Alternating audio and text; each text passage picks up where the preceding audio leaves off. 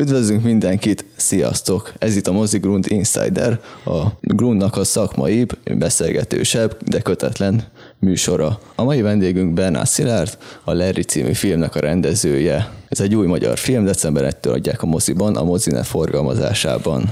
A Larry azért egy elég ritka film manapság, úgy érte, hogy én nem nagyon láttam manapság olyan magyar filmet, ami ekkor impaktal, ilyen erővel akart ö, mesélt új történetet, hogy amúgy nem volt ö, önkényes. Alapsztori az az, hogy van egy ö, Borsod megyei főszereplőnk, aki Ádám, ő mezőgazdaságban dolgozik, és az az, az az álma, hogy amúgy rapper lesz, vagyis igazából nem az álma, hanem egy eszközként látja, hogy a saját ö, problémáit ki tudja közvetíteni, mert hogy ő dadog. Úgy tudom amúgy, hogy ez a történet egy valódi megtörtént eseményeken alapul, az alapját az adja. És azon a kérdésem hozzád először, Szilárd, mi, le, mi ez az alap? Hát, hogy megtörtént eseményeken alapul, az talán egy kicsit most már túlzás. Uh-huh. Inkább úgy mondom, hogy, hogy volt egy ilyen inspirációs magja a történetnek. Igen, 2016-ban volt egy online tehetségkutató, az volt a címe, hogy Kimi Tube, és ebben feltűnt egy Serrano nevű fiú. És uh-huh. akkor az ő ő karaktere, meg, meg az ő történetei, meg az ő energiái, meg, a, meg az ő zenéje kezdett el, kezdett el inspirálni, de aztán egészen távolra jutottunk végül is a forgatókönyvfejlesztésnél. Tehát, hogy igen, az ő, az ő alapvető közege, meg viszonyai volt az, amik elkezdték ír, írni tulajdonképpen a forgatókönyvet, de aztán végül is ez egy jó hosszú, több éves procedúra volt, és eléggé elkanyarodtunk, sokkal személyesebb lett, talán kicsit műfaibb lett, úgyhogy az, hogy, hogy valós történeten alapul, az csak félig igaz. Miért pont a Serrano, miért pont ez a, a közeg? Miért pont ez a fajta történet az, amit ki akartál mondani a filmen keresztül? Uh-huh. El, el akartál mesélni? Van ennek például személyes oka esetleg? Van persze, de azt hiszem, hogy ez kevésbé racionális módon történt, uh-huh. inkább ilyen intuitív módon. Tehát azt hiszem, hogy valahogy az van, hogy hogy a film, meg, a, meg egy nemzetnek a film, filmművészete, vagy a filmjei azok valamilyen értelemben a lelkismeretét is tükrözik. Tehát olyan, mintha a filmjeik által nézne bele egy nemzet a, a tükörbe, mondjuk. Nagyon sokat gondolkozom azon, hogy, hogy mondjuk a román film, a román új hullám az miért olyan, amilyen. Miért annyira tiszta, és miért annyira igazi, és ezzel szemben milyen deficitei vannak mondjuk az elmúlt, nem tudom, 20 év, vagy mondjuk a rendszerváltás óta számított uh-huh. magyar film nek. Nem tudom még erre pontosan a választ, de az biztos, hogy, hogy, hogy nagyon sok indulat ami mondjuk a rendszerváltás óta, vagy akár a nem tudom, 70-es, 80-as évek óta, vagy akár egészen 56 óta így felgyülem lett a generációkban, a szüleink generációjában, meg a nagyszüleink generációjában biztos vagyok benne, hogy nagyon sok feszültség az, az így benn marad, és, és ezek a vektorok befelé tartanak nagyon ritka az, hogy, hogy valaki egészségesen tudja artikulálni a, a dühét, vagy a felháborodottságát, vagy a haragját. Általában az van tudod, hogy hát Magyarországon nyilvánvalóan megnyomorított generációk tömegei élnek. Igen, történelmi okok miatt is. Igen, hogy igen.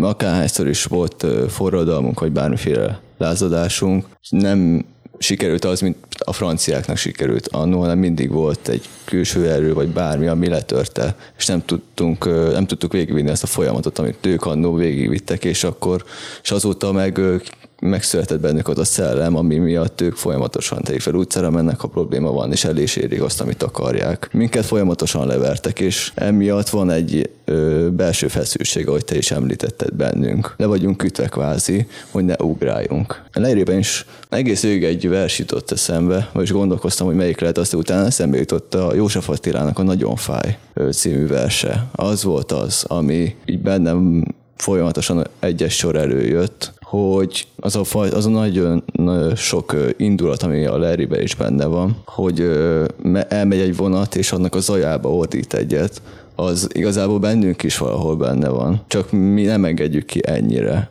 És ahogy most mondtad, úgy gondolom, hogy te ezt akartad átadni, nem? Ezt a fajta feszültséget.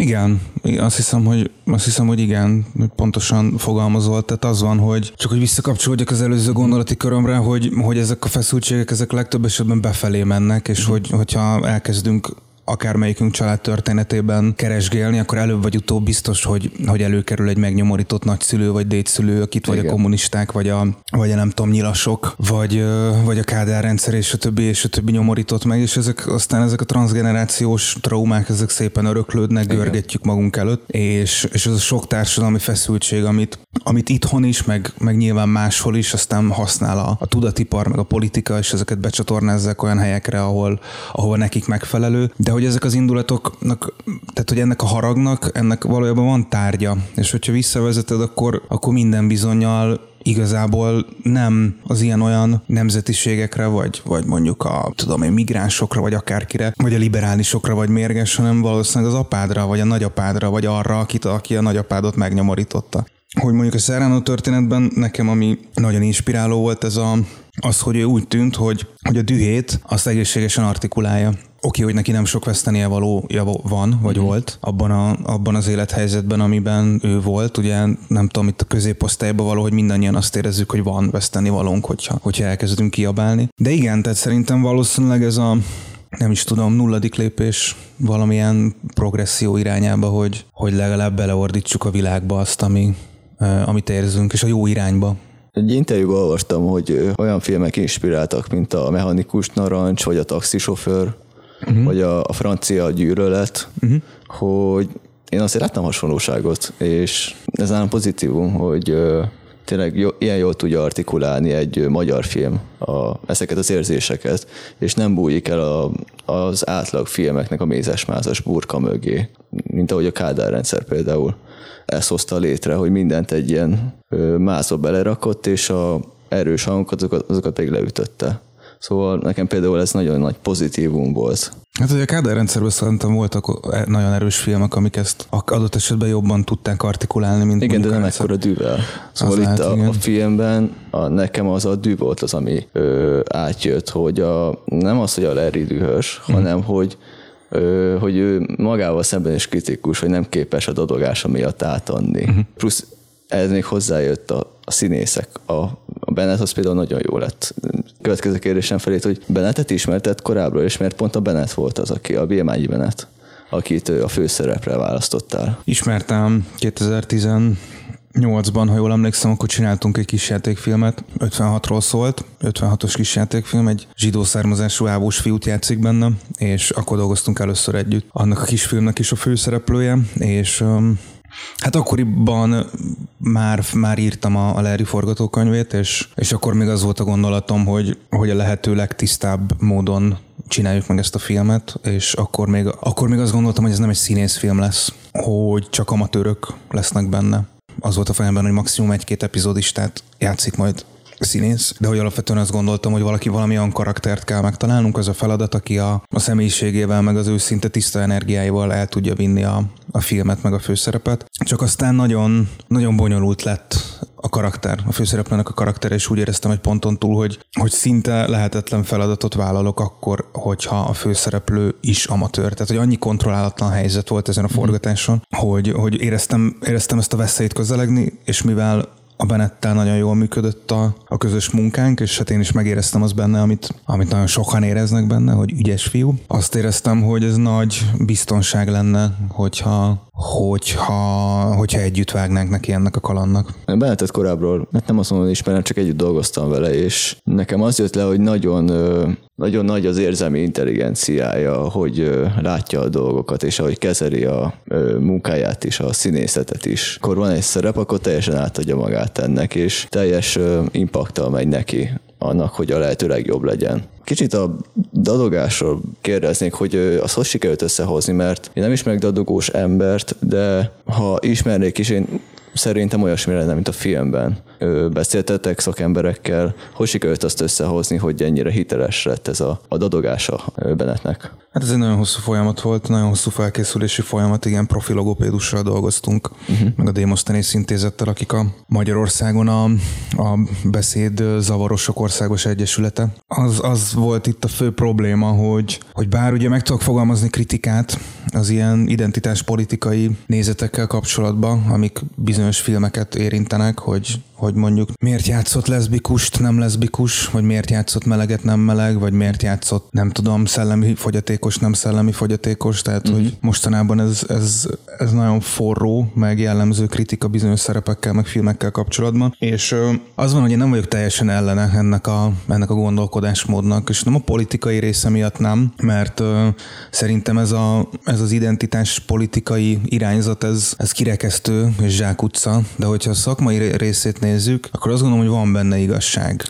Érzed alapját ennek? Igen, Aha. de kifejezetten szakmai szempontból. Uh-huh. Tehát szerintem, hogyha mit tudom én, ha mondjuk egy nem tudom, egy vak szereplőt, egy valóban vak ember játszik el, akkor annak van egy, egy, egy nagyon tiszta üzenete, fizikája, valós jelenléte. Tehát abban nincs semmi mesterséges. Mm. Arról már nem is beszélve, hogy, hogy hogyha mondjuk egy, egy adott raszbeli embert valaki más raszbeli ember játszik el, az mm. már az pláne, pláne problémásnak gondolom. Tehát, hogy a identitás politikai üzenetén túl én ebbe azért látok szakmai igazságot, vagy követni valót, amit, amit ezek a kritikák megfogalmaznak. És akkor visszatérve a kérdésedre, nekem ez problémát jelentett, hogy, hogy akkor most um, egy beszédhibát hogy lehet eljátszani hogy hogy lehet imitálni, mm. úgy, hogy ez ne legyen színpadi, vagy úgy, hogy ez ne legyen ö, ö, sértő, mm. vagy, ö, vagy nevetséges. Próbáltad ö, természetesnek ö, venni a, ahhoz képest, hogy mennyire természetes egy ilyen, úgymond, hogy ö, tényleg milyen lehet a valóságban. Semmi köntörfalazás, ugye? Ö, sőt, a, igazából az volt a cél, hogy a Bennett tényleg dadogjon. És ez tudom, hogy így hajmeresztőnek tűnik, meg akkor is az volt, de hogy az, az volt a célunk, hogy, hogy, hogy ne csak mímelje. És fogalmam nem volt, hogy ez hogy fog megszületni, őszintén. És a Bennettnek ez mennyire volt amúgy kihívás? Ő hogy fogadta, hogy neki most ilyen feladatot kell végrehajtania. Úgymond nem azt, hogy végrehajtania, hanem hogy mi szólt ehhez, hogy így kell beszélnie, dadognia, meg kommunikálnia egy egész film során. Mert hogy hogy alkotói szempontból mi szóltál mellett, vagy, vagy módszert, vagy ilyen játékmódszert? Hogy te hogy láttad, hogy számára ez milyen, hogy milyen lehetett? Ja, értem. Hát ő is arról számol be mondjuk interjúkba, vagy amikor erről így közösen dumálunk valahol, hogy ez volt a legnéz, legnehezebb uh-huh. része a felkészülésnek. Tehát amikor ebbe belevágtunk, akkor nagyjából lehetetlennek tűnt, annyira nehéz volt.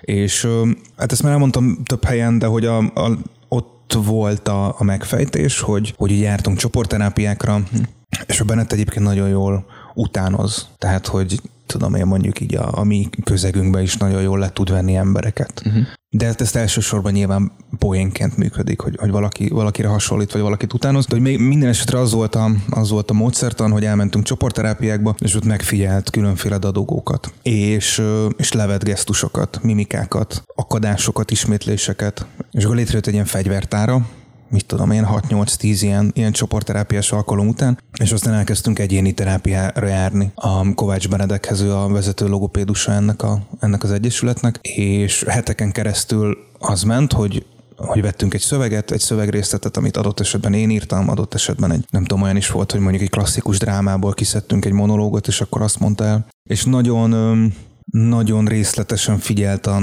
Benedek, a logopédus arra, hogy, hogy mi az, ami, ami reális, meg ami hiteles, és mi az, ami, ami megjátszott. És ebbe az állapotba beakadtunk. Tehát, hogy ebből egyszerűen nem tudtunk kijönni, és akkor az lendítette át az ügyet, hogy egyszer megkérdeztem, hogy, hogy, hogy mi ennek a fiziológiája. Tehát hogy egészen pontosan mi történik egy, egy beszéd zavaros, vagy egy, vagy egy dadogó embernek a, a beszédképző szerveiben. Uh-huh a hangképző szerveiben, és akkor elmondta ezt nagyon plastikusan, hogy, hogy ez milyen lehet valahogy, nagyon képien megfogalmazta, és akkor valahogy az volt az áttörés, mert onnantól kezdve a Bennett már nem azt csinálta, hogy utánzott bizonyos srácokat vagy lányokat, hanem ezt a, ezt a blokkot tanította meg valahogy a, a hangképző szerveinek, ezt hozta létre magában, és ez egy ponton túl már annyira automatikussá vált, hogy, hogy nehezen hagyta abba. Tehát, hogy mondjuk forgatások szünetében sem tudott lejönni a, az ismétlésekről. Annyira átállította a, a hangkéző szervét, hogy benne maradt a igen, két igen, jelent között. Ah, nagyon érdekes. Tehát, hogy tulajdonképpen az történt, hogy hogy, hogy létrejött az ő dadogása. Uh-huh. Tehát, hogyha Bennett dadogna, akkor minden bizonyal így, így dadogna. Uh-huh. Említetted, hogy csoportterápiákra jártatok. Az téged mm, hogy érintett, hogy, hogy ilyen emberekkel voltál egy csoportban, akik dadognak? Gondolom hétköznapokban nem szoktál ilyen, ilyen emberekkel beszélgetni. Ö, személyesen ezt benned valamit megváltoztatott? Ö, árnyalódott benned a, a csoportterápia tagjainak a személyisége, hogy a, hogyan kezelik a, ők a saját dadogásukat? Tulajdonképpen nem. Van, van, hát most két olyan ismerősöm is eszembe jut, aki, aki súlyos dadogó. Uh-huh. Nem. Hát az, az volt inkább a, a nagyon mély élmény, vagy hogy mondjam, az ilyen meghatározó élmény, hogy, hogy az például egészen döbbenetes, hogy, hogy ennek hány típusú artikulációja van. Tehát, hogy minden egyes dadogó máshogy dadog, és nincs, nincs két ugyanolyan. És hát nyilván egy ilyen helyzet, amikor egy csoportterápia, csoportterápia van, és, és, és az ottani emberekkel beszélgetünk, az, az egy nagyon különleges élmény. De, de tehát, hogy, hogy nem, nem változtatott meg, meg bennem semmit. Uh-huh. Az van, hogy, hogy azt éreztem meg, hogy mi az, ami például ezt, ezt tudja oldani. És abban a pillanatban, hogy tehát amit a legrosszabb, amit csinálhatsz egy dadogóval, az az, hogy, hogy türelmetlen vagy, az, hogy, hogy nem várod meg, hogy befejezze a mondatát, hanem te befejezed helyette. Uh-huh. Ez sértő. Viszont abban a pillanatban, hogy, hogy elfogadod, hogy ez most egy kicsit más típusú beszédhelyzet, mint, mint a számodra komfortos beszédhelyzet, és, és mondjuk lelassítod a saját tempódat, és elfogadod az ő tempóját, akkor nincs különbség egy, egy ilyen beszédhelyzet, meg egy átlagos beszédhelyzet között. A történet azt Ózd és a környékén játszódik. Egyszer jártam azon a környéken, elég mély benyomást keltett számomra. Ott voltam egy forgatáson, mm. és az lenne a kérdésem ezzel kapcsolatban, hogy az egyik, hogy milyen volt a forgatás, főként, hogy azon a környéken köztudottan nem egy túl fejlett környék, sőt nagyon lecsúszottnak is eltekinteni az ország más részeihez képest. Másik kérdésem, hogy te hogy érezted magad amúgy a forgatáson? Milyen kívások voltak, amikkel szembenéztél ott? Nem a lecsúszott szót használnám, inkább a, a, a megrekedt. Magára hagyott? Magára hagyott, igen. Uh-huh. Az, az, igen, az, lehet jobb szó az. Igen, az, az rendben van. Tehát mondjuk a 90-es évekig a rendszerváltásig ez egy nagyon nagyon prosperáló része volt Magyarországon, Magyarországnak olyan értelemben, hogy, hogy bányák és, és, és üzemek működtek, és amikor megszűnt Magyarország a Szovjetunió tagállamának lenni, akkor, akkor egyik pillanatról a másikban ezek funkció nélkül maradtak, ezek az üzemek. És valahogy az a vidék az kevésbé tudott átállni a 90-es években a, a kapitalista uh-huh. termelésre, mint mondjuk, nem tudom, bizonyos nyugati városok vagy régiók, vagy akár Miskolc. Uh-huh. És emiatt igen, tehát magára hagyott vidék, abszolút, meg valahogy, valahogy nagyon kevés szolidaritást mutat e felé a vidék felé, így a többségi társadalom. És az is van egyébként, hogy ez is folyamatosan változik, tehát az elmúlt, nem tudom, 10-12 évben azért nagyon sokat fejlődött ez a vidék. Elég sok gyár létesült, a, városok mellé, de mondjuk van olyan, amit például a Covid teljesen elmosott, és most megint nagyon rossz a helyzet. És az a fura egyébként, csak így reflektálva, reflektálva a kérdésedre, hogy valahogy így oda menni, meg ott lenni, az nem volt um, kultúrsok, vagy nem volt kihívás, vagy nem volt probléma, mert, mert persze a kulisszák azok nagyon mások, mint Budapesten, hogyha meglátod, nem tudom, a sok panelházat, vagy mondjuk adott esetben egy, egy szegregátumban a, találkozol a, a mély szegénységgel, de egyrészt ebben azért valamennyi rutinom van, másrészt meg mindig az emberekre koncentráltunk, és abban a pillanatban, hogy az emberekre koncentrálsz, akkor nagyon gyorsan feloldódik ez a, ez a gát. Az az érdekes, hogy hogy arra nem voltam viszont felkészülve, hogy aztán milyen visszajönni Budapestre. És az volt a kultúrsok. Ezt kifejtenéd?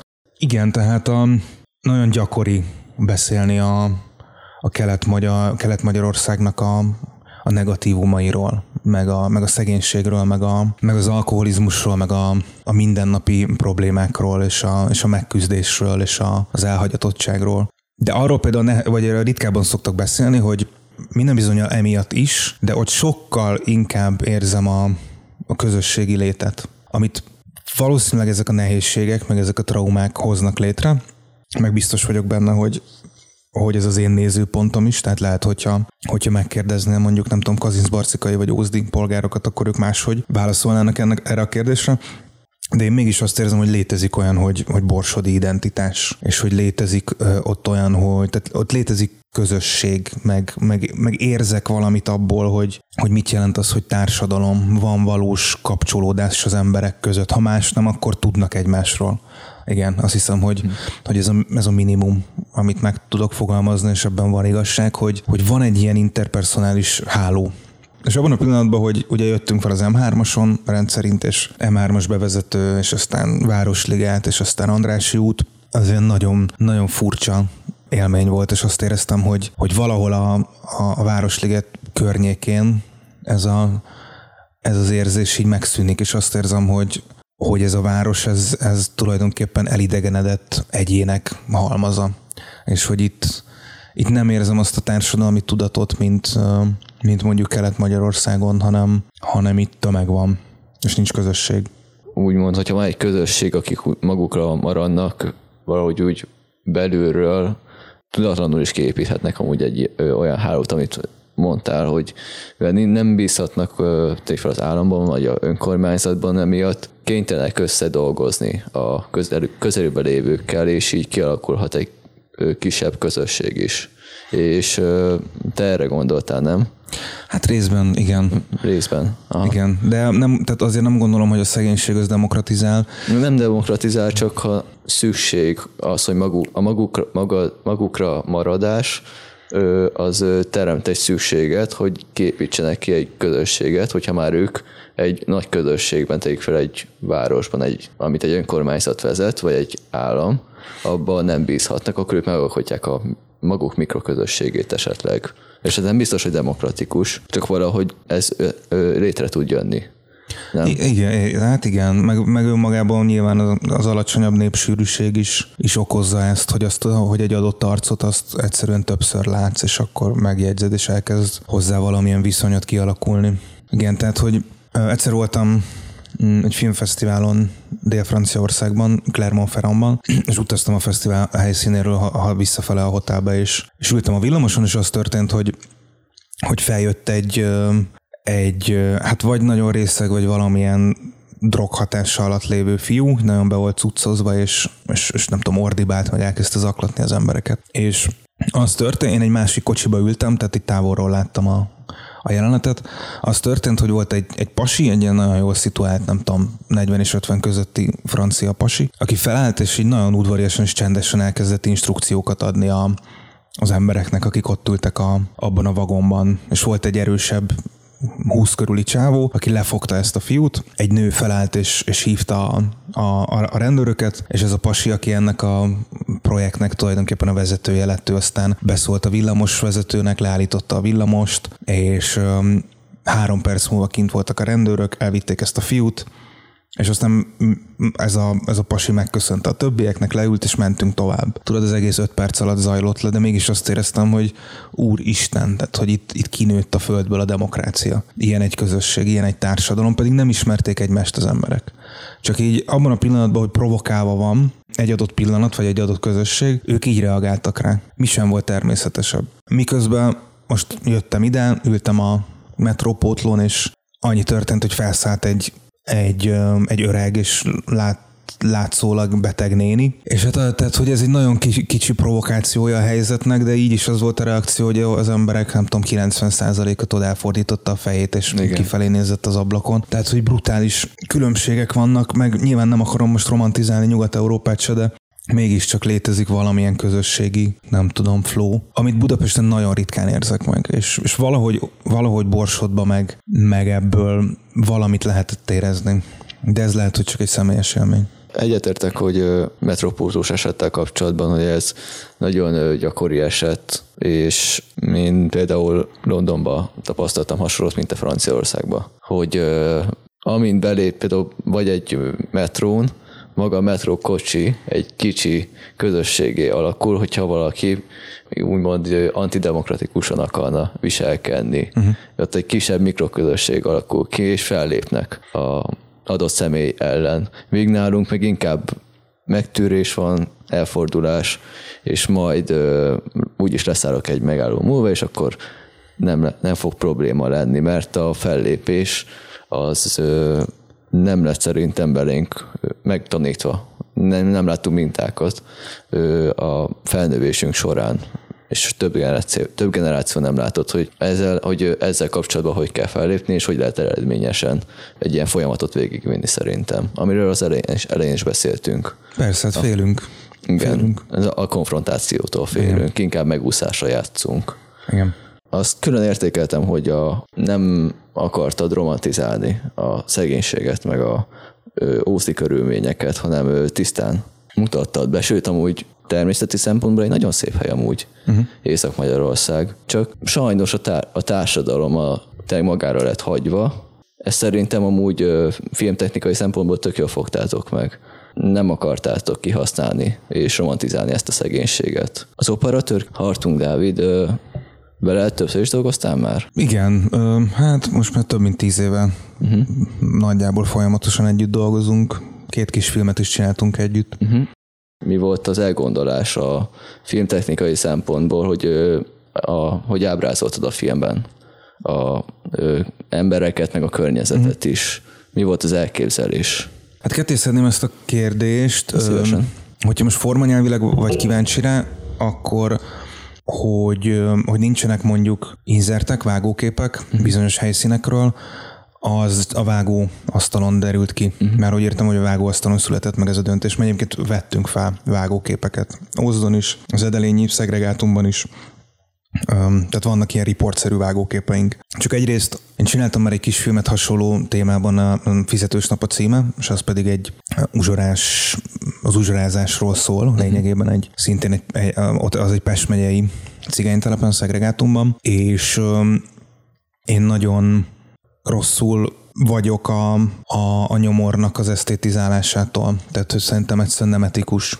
Viszont abban a filmben ez megtörtént, tehát hogy vannak, pedig akkor is nagyon figyeltünk rá, de hogy vannak olyan, olyan részei, vagy vannak olyan snittek, ami, ami meg ezt a működésmechanizmust használja.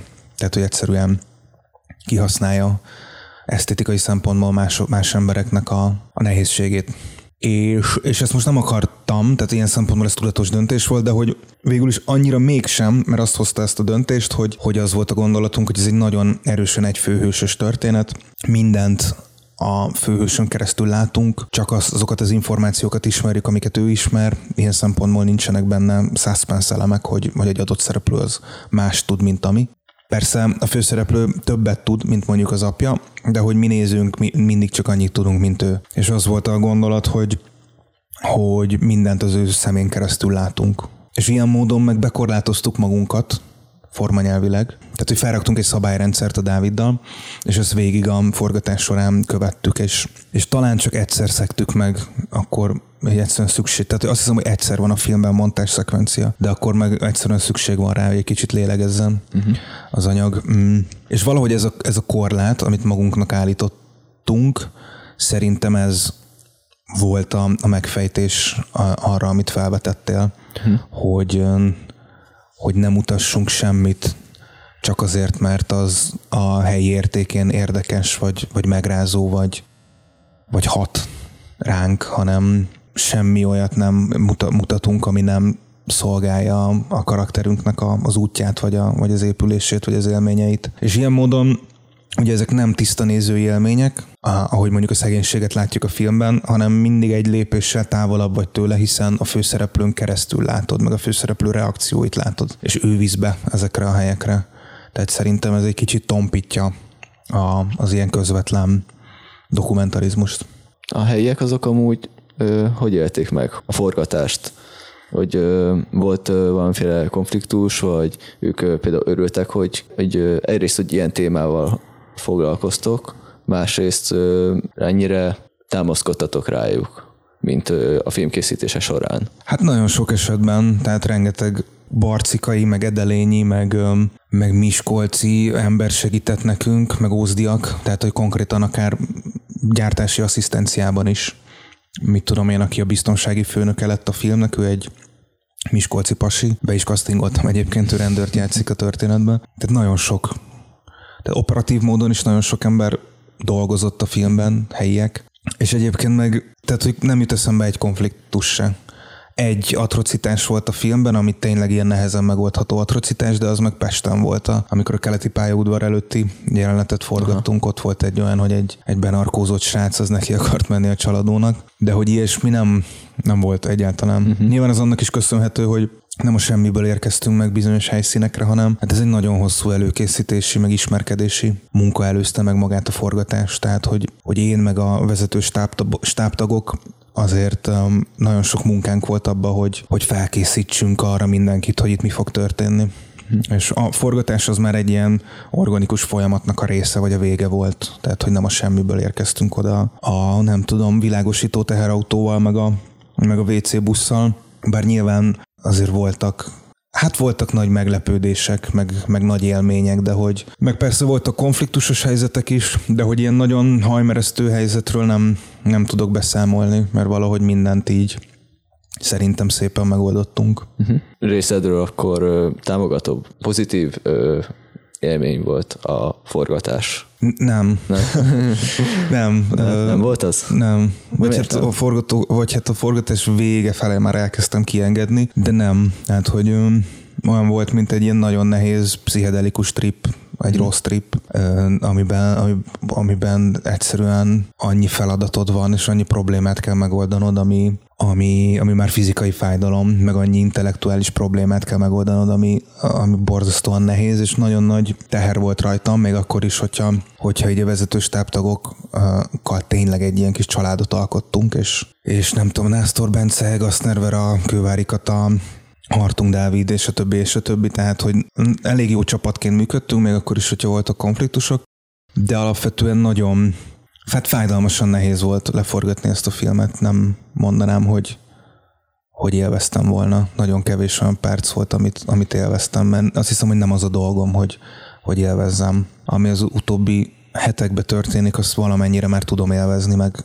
tehát a vágásnál is voltak olyan, olyan napok, hetek, amiket tudtam élvezni, de Szerintem egy forgatásnál nem az a dolga a rendezőnek, hogy élvezkedjen, hát hanem a, hogy... Alapvetően az alkotó folyamatok sokszor sok fájdalommal járnak. Ja. Még ha ez külső, szempont, külső szemmel amúgy nem túl hihető. Ja, lehet. Érzelmi szempontból történt benned valami fajta változás a film elkészülte után? Mire gondolsz? Úgy tudom, hogy te évekig ezen dolgoztál, uh-huh. te is írtad, uh-huh. hogy miután elkészült a film, és megtörtént a díszbemutató, meg alapvetően például az utolsó jelenet is lett forgatva, és már ment haza a stáb, akkor te benned volt valami olyan, hogy például egy fejezet lezárult, hogy máshogy készett a film, amin évekig dolgoztál, vagy történt-e benned valami olyasfajta változás, ami például vagy nem, nem számítottál rá, vagy szerettél volna elérni uh-huh. filmek, film elkészítésével? Fú, nehéz kérdés, és nincs is rá ilyen tiszta válaszom, amit most elő tudnék rántani. Azt hiszem, hogy ilyen nagy katarzis az nem volt. Na, nem is katarzisra gondoltam, csak hogy... Megkönnyebbülés? Hát esetleg megkönnyebbülés, mm. vagy fel, valami fajta felold, feloldás magadban, mint hogyha lett volna egy görcs esetleg, vagy Aha.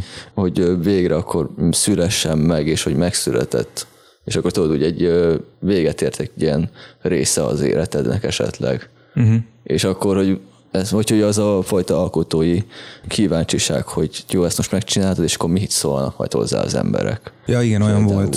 Persze olyan volt. Hát amikor befejeztük a forgatást, akkor nyilván az egy, az egy nagyon nagy megkönnyebbülés, meg az egy ilyen szinte hipnotikusan felszabadító érzés, de elsősorban nem a, az alkotás miatt, hanem a közösségi élmény miatt, hogy megcsináltuk így, nem tudom, ötvenen, akik szűken dolgoztunk ezen az egészen, és, és dobozba került, és, és volt értelme. Igen, az jó érzés volt, de hogy alkotói szempontból meg az nem volt, az nem volt felszabadító, mert tudtam, hogy a vágás folyamata az előttünk lesz, és, és azért ennek a filmnek a, az elkészülésében nagyon fontos szerepe volt a vágásnak, tehát hogy, hogy nem, nem egy, egy ilyen előre legyártott receptet követtünk, hanem nagyon sok jelenetet például újra kellett írni a vágóasztalon. Úgyhogy ez, ez szintén egy ilyen nagyon intenzív folyamat volt. Aztán ugye eltelt egy másfél év, amíg nem tudtuk bemutatni a filmet.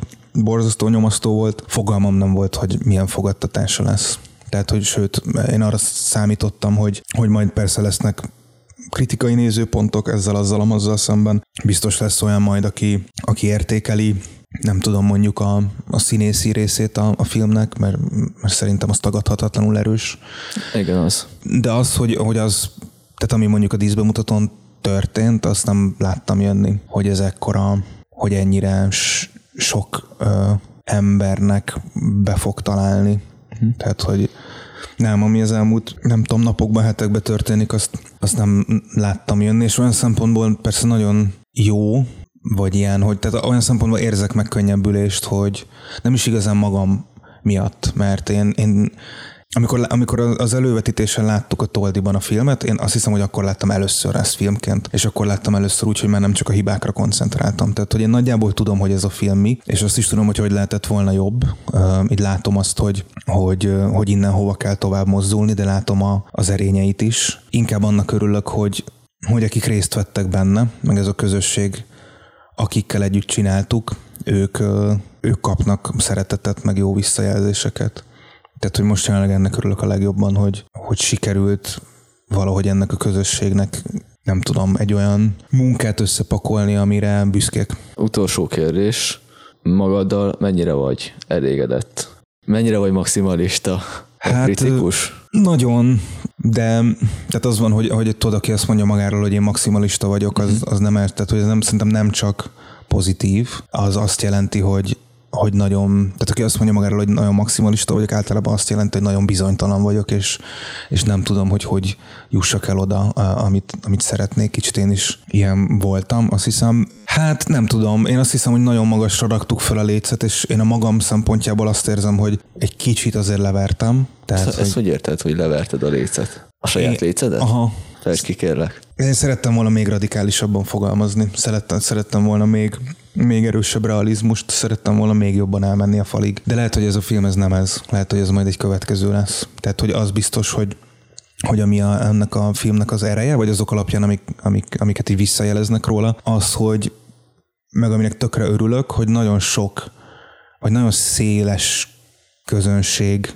reflektál rá jól. Mert azt hiszem, hogy nagyon sok gesztust tettünk így a, a műfajiság, vagy akár a közönség film irányába. De abban például biztos vagyok, hogy hogyha legközelebb elkezdek dolgozni valamin, akkor, akkor radikálisabban kell fogalmaznom. Még radikálisabban? Igen. Nekem nagyon tetszett a film. Nagyon tetszett, ahogy az elején is mondtam, hogy ilyen jól kimondja végre egy magyar film ezt a dühöt, meg azt az ordítást, amit a Bennett is többször is megtesz a filmben, ami bennünk sokszor megvan, csak mi nem engedjük ezt ki. Szerintem ez egy hiánypótló a magyar filmes palettán, és én nagyon örülök amúgy, hogy elkészítetted, és örülök neki, hogy eljöttél a grundunkra. Remélem jól érezted magad. Abszolút, köszönöm szépen, hogy hívtál. És figyelemmel követjük a munkásságod, és ha majd kijön a következő filmet, akkor majd azzal is, az a kapcsolatban is remélem tudunk beszélni. Úgy legyen. Ez volt a Mozigrund Insider Bernát Szilárddal. Én Oszmad voltam, találkozunk legközelebb. Sziasztok! Sziasztok, köszönöm! Ha tetszett az adás, iratkozz fel a csatornánkra, és a like vagy a dislike gombok használatával pedig fejezd ki a véleményed. Hamarosan újabb adásra jelentkezünk. Sziasztok!